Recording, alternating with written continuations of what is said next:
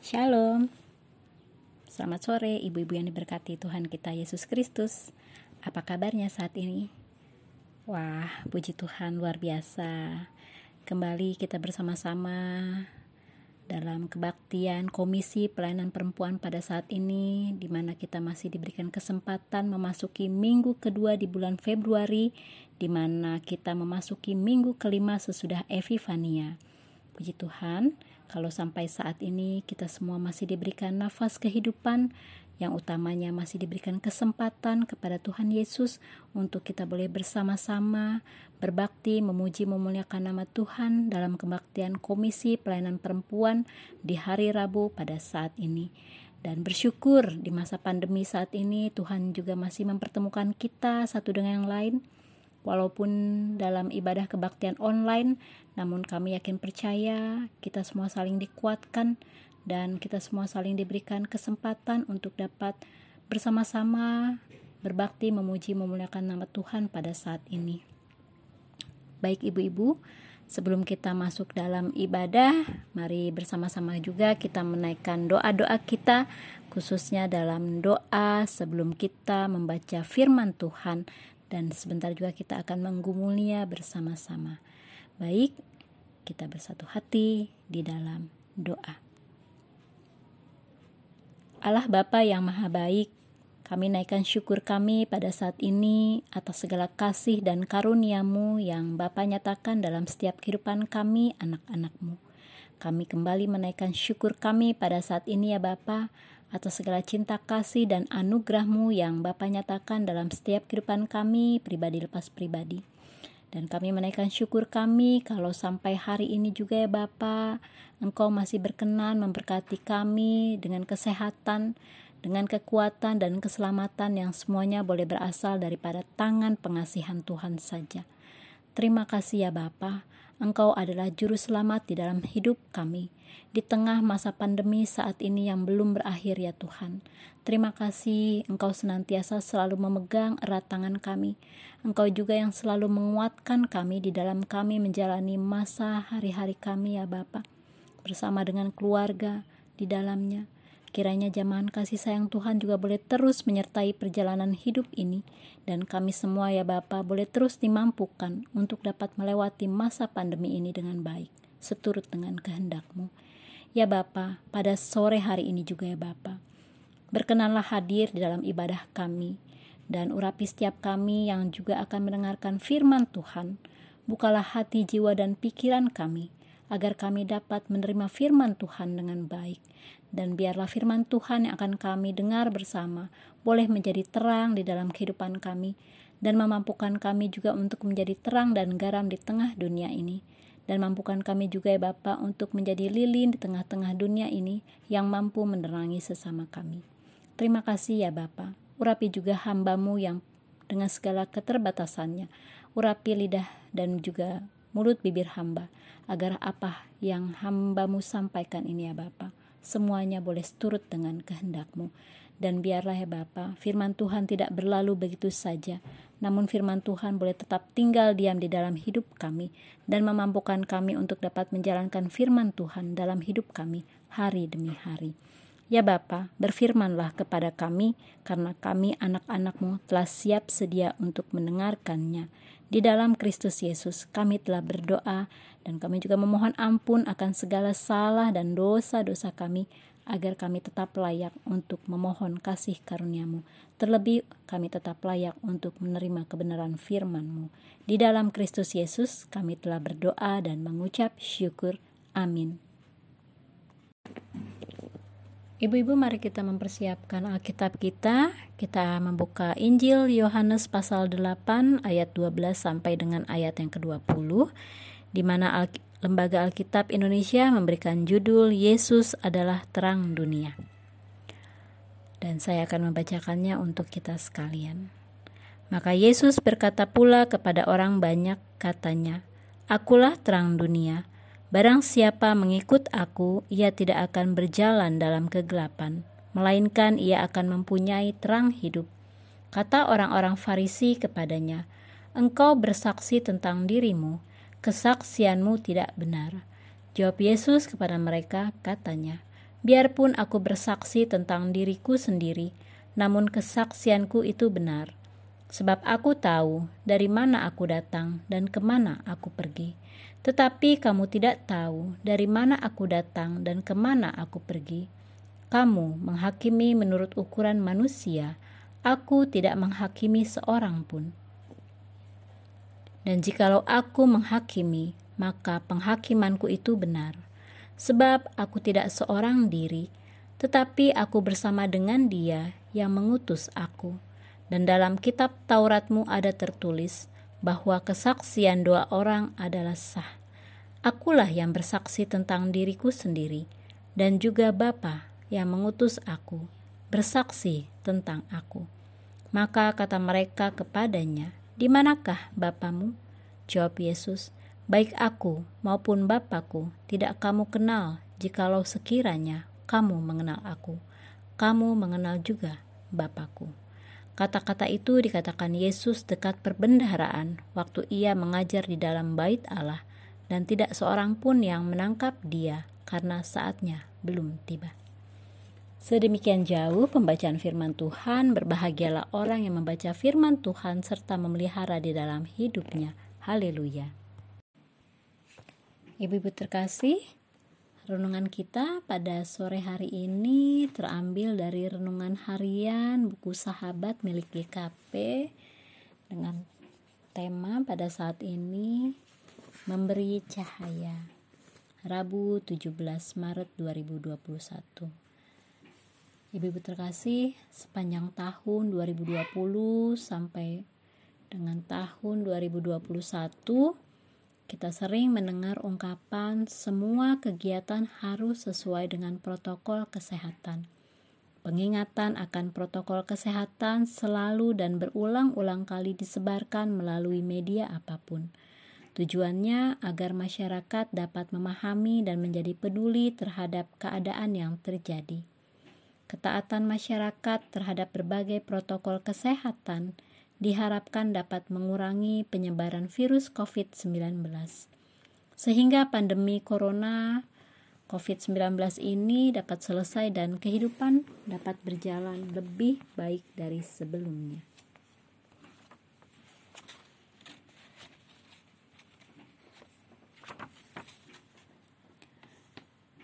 Nah, ibu-ibu, sampai saat ini juga beberapa gereja memilih untuk tetap melakukan kegiatan peribadahan melalui media daring atau online, terlebih di daerah yang masih berzona merah. Dan beberapa daerah yang sudah sedikit lebih aman mulai mungkin mulai bisa melaksanakan peribadahan di dalam gedung gereja dengan melakukan protokol kesehatan yang ketat. Jemaat yang datang beribadah juga dibatasi baik dari usia, kondisi kesehatan dan lain sebagainya. Kelompok usia lanjut adalah anggota jemaat yang setahun lebih tidak dapat beribadah di gereja. Kebanyakan dari mereka mengatakan rindu untuk beribadah di gereja dan bertemu dengan teman-temannya. Mereka tetap bersabar dalam kerinduannya dan berharap dapat kembali beribadah bersama-sama di gereja. Ibu terkasih, kalau kita mau bertanya, apakah pantas kita bertanya di manakah Allah pada saat dunia diserang COVID-19?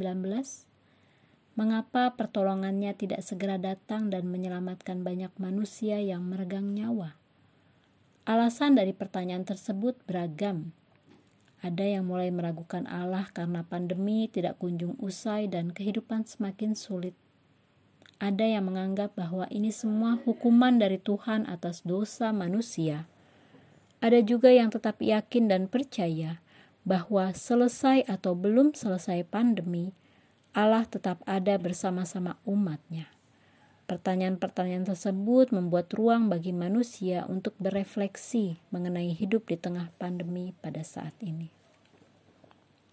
Ibu-ibu terkasih, pada saat ini juga Tidak mudah bagi penderita COVID-19 mengakui dirinya terkena virus tersebut.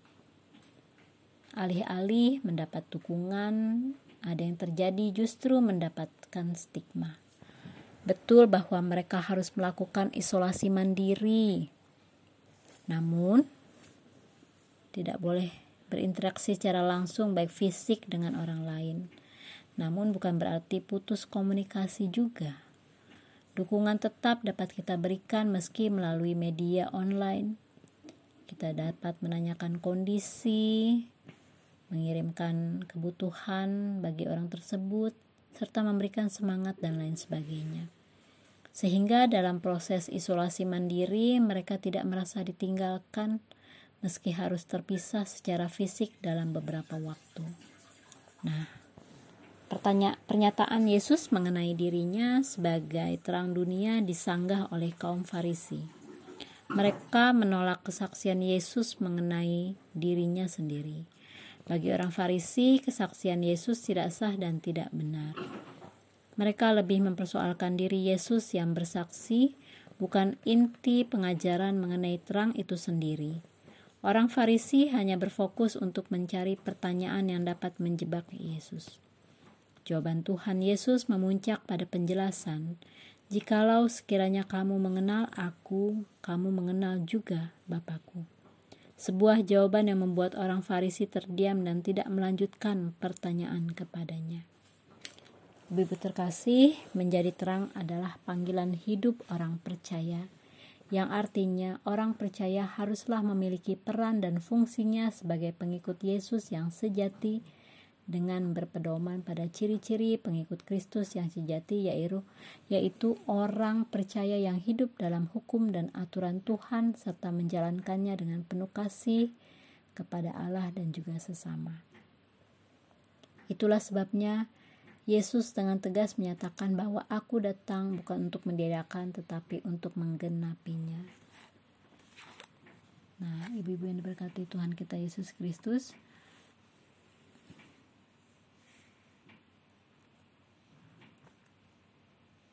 Bagaimana rasanya ketika kita berada di satu ruangan yang gelap gulita?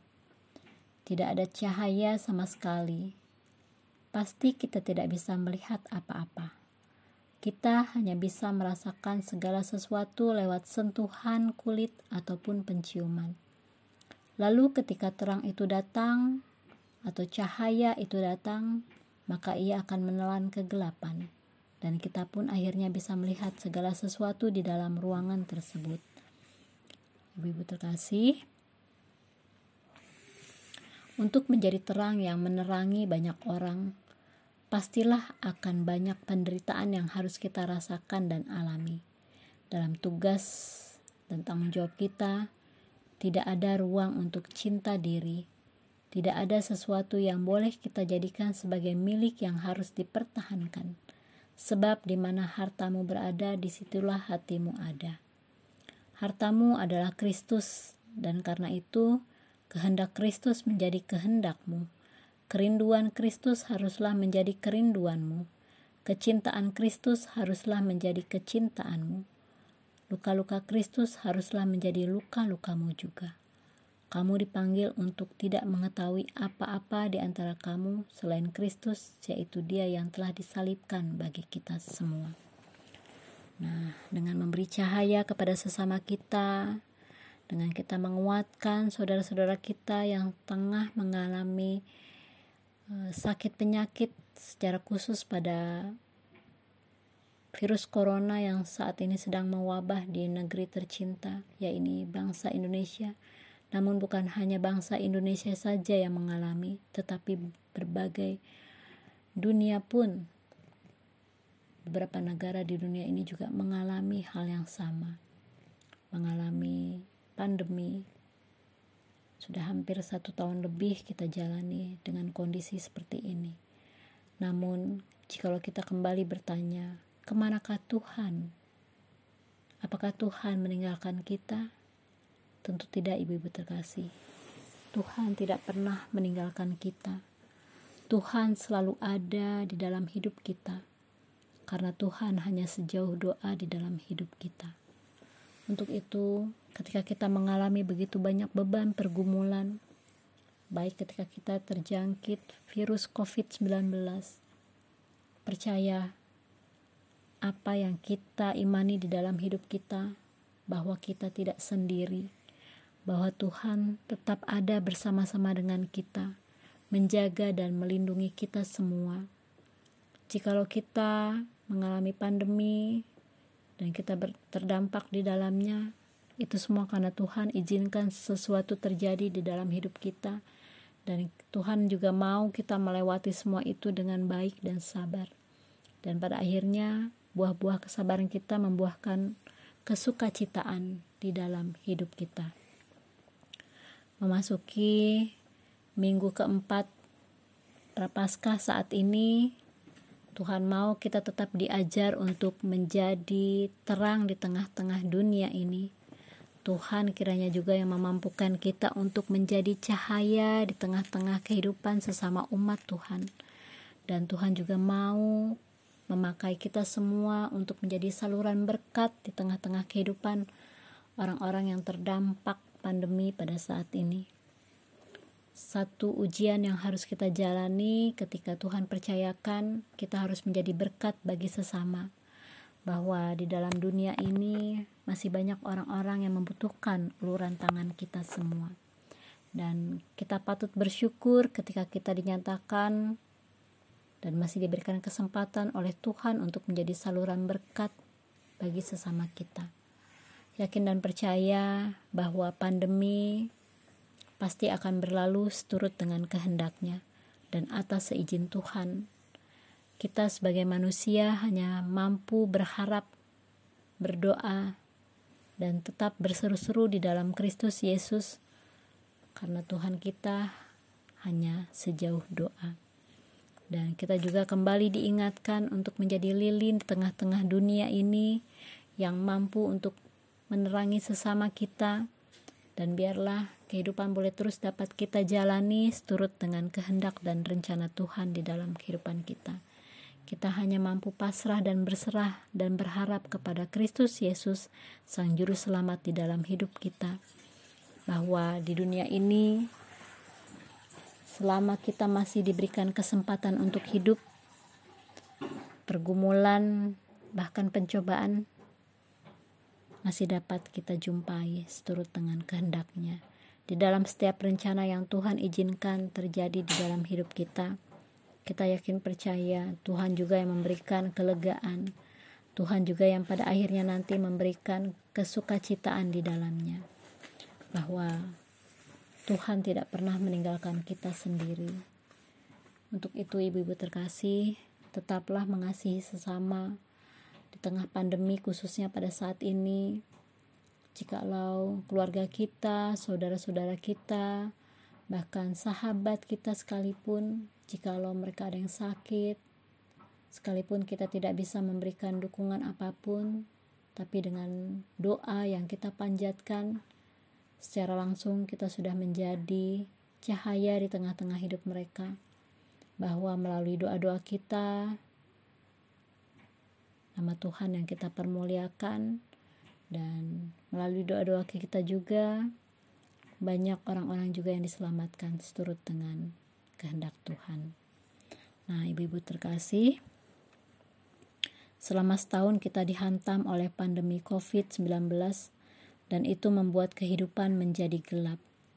Banyak kantor, bahkan orang-orang di dalamnya mengalami PHK. Bahkan banyak dokter dan perawat yang terjangkit virus. Aktivitas dibatasi, yakni sekolah, baik bekerja, beribadah, bahkan berbelanja. Namun dalam gelapnya kehidupan, ingatlah terang wajah Kristus menyinari kehidupan kita semua. Terangnya memberi cahaya pengharapan dalam hidup yang gelap saat ini. Dan kita diajak untuk meneruskan terang itu kepada sesama. Ibu-ibu, demikian renungan kita pada saat ini. Tetaplah menjadi terang di tengah dunia ini dan tetaplah selalu menjadi cahaya di tengah-tengah kehidupan sesama kita, sehingga kita semua boleh menjadi berkat bagi sesama, dan Tuhan juga yang kiranya memampukan kita untuk kita terus dimampukan menjadi terang di tengah-tengah dunia ini yang mampu menerangi sesama kita. Dan khususnya kita saling mengasihi seperti Tuhan telah mengasihi kita lebih dahulu. Demikian renungan yang dapat saya sampaikan. Tuhan Yesus Kristus memberkati kita semua. Amin.